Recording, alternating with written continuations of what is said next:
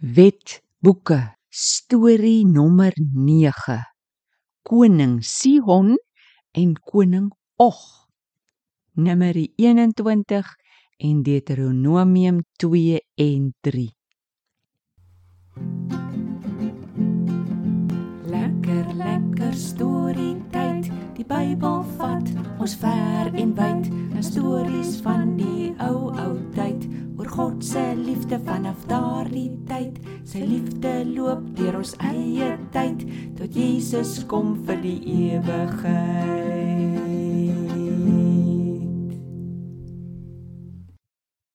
Hallo almal Tobias Hoekom staan jy op jou kop? Hallo, hallo. Ek moet oor iets besluit. Ai no. Oeps. Iemand het omgeval. Tobias, ek verstaan nie lekker nie. Donnie Gordon. Ek het gedink as ek op my kot staan, kan ek beter dink dat om te besluit. Hoekom vra jy nie die Here om jou te help nie? Kan ek? Al is dit nie 'n baie groot besluit nie. Kan ek oor enigiets raad vra? Ja, jy kan. Hy het my nou die dag gehelp om die presiese regte kar te koop. Regtig? Sal hy dadelik vir my die antwoord gee? Tobias. Soms kry ons dadelik die antwoord. Ander kere moet ons wag en soek en weer vra. Maar hy sal antwoord en ons rustig maak om die regte besluit te neem. Kan ek julle vertel van hoe God die Israeliete gehelp het met besluite? Asseblief. Die volk Israel het nou al omtrent vir 38 jaar rondgetrek in die woestyn. Dis 'n lang tyd. Hulle het nie geweet waarheen moes hulle trek nie. Ook nie teen watter volke hulle moes veg nie. Maar die Here het vir hulle die antwoorde gegee. Op 'n tyd moes hulle deur die land van Esau trek. Die Here het vir hulle gesê die mense sal bang wees vir hulle. Miskien het dit gemaak dat die volk sommer lus was om teen hulle oorlog te maak. Maar die Here het gesê: "Nee, nee Israel, ek het hierdie gebied vir Esau gegee. Dis hulle sin. Ek gaan nie 'n stukkie van hierdie land vir julle gee nie." Later kom hulle toe naby Moab. En toe sê God dieselfde. Ek het hierdie deel land vir Lot se mense gegee. Moenie teen hulle oorlog maak nie. Hoi.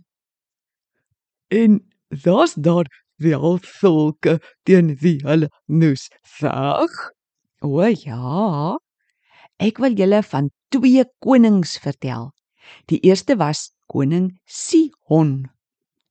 Moses het boodskappers na hom gestuur en gevra, hulle wil asseblief deur hulle land trek, maar hulle sal op die groot pad, die koningspad bly. Hulle sal hulle kos en water koop. Maar nee, Sion hou toe niks van die plan nie. Al kom met sy soldate om teen Israel te veg.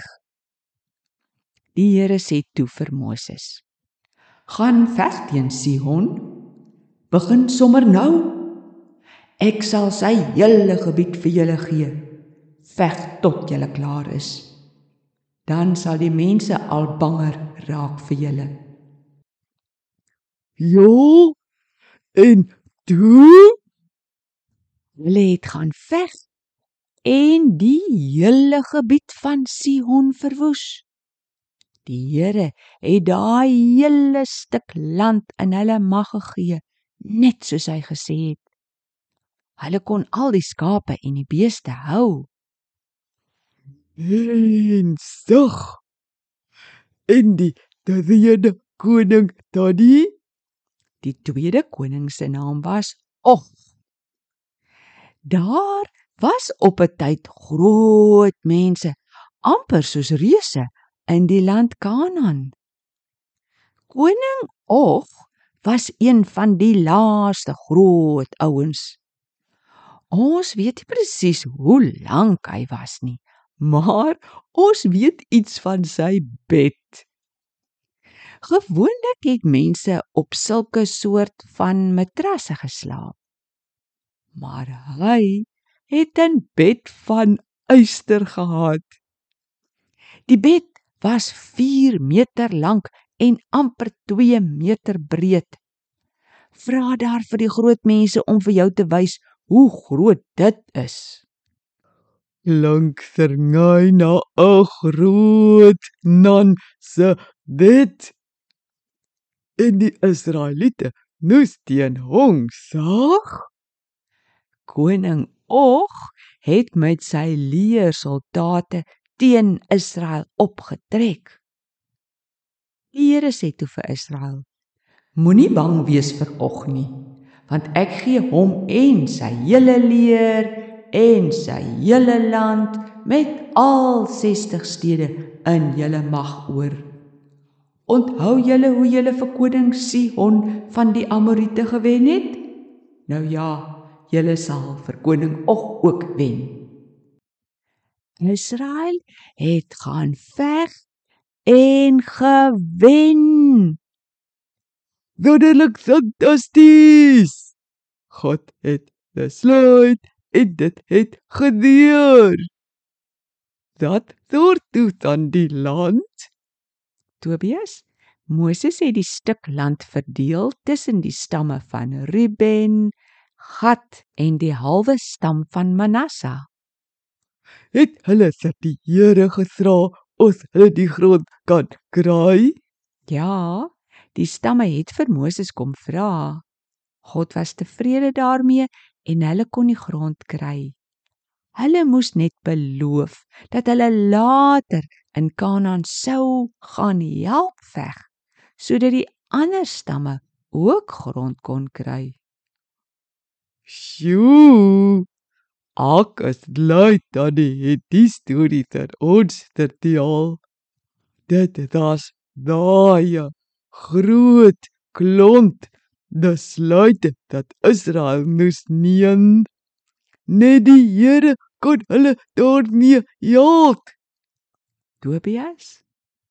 Mats, die Here van die Israeliete is nog presies dieselfde Here.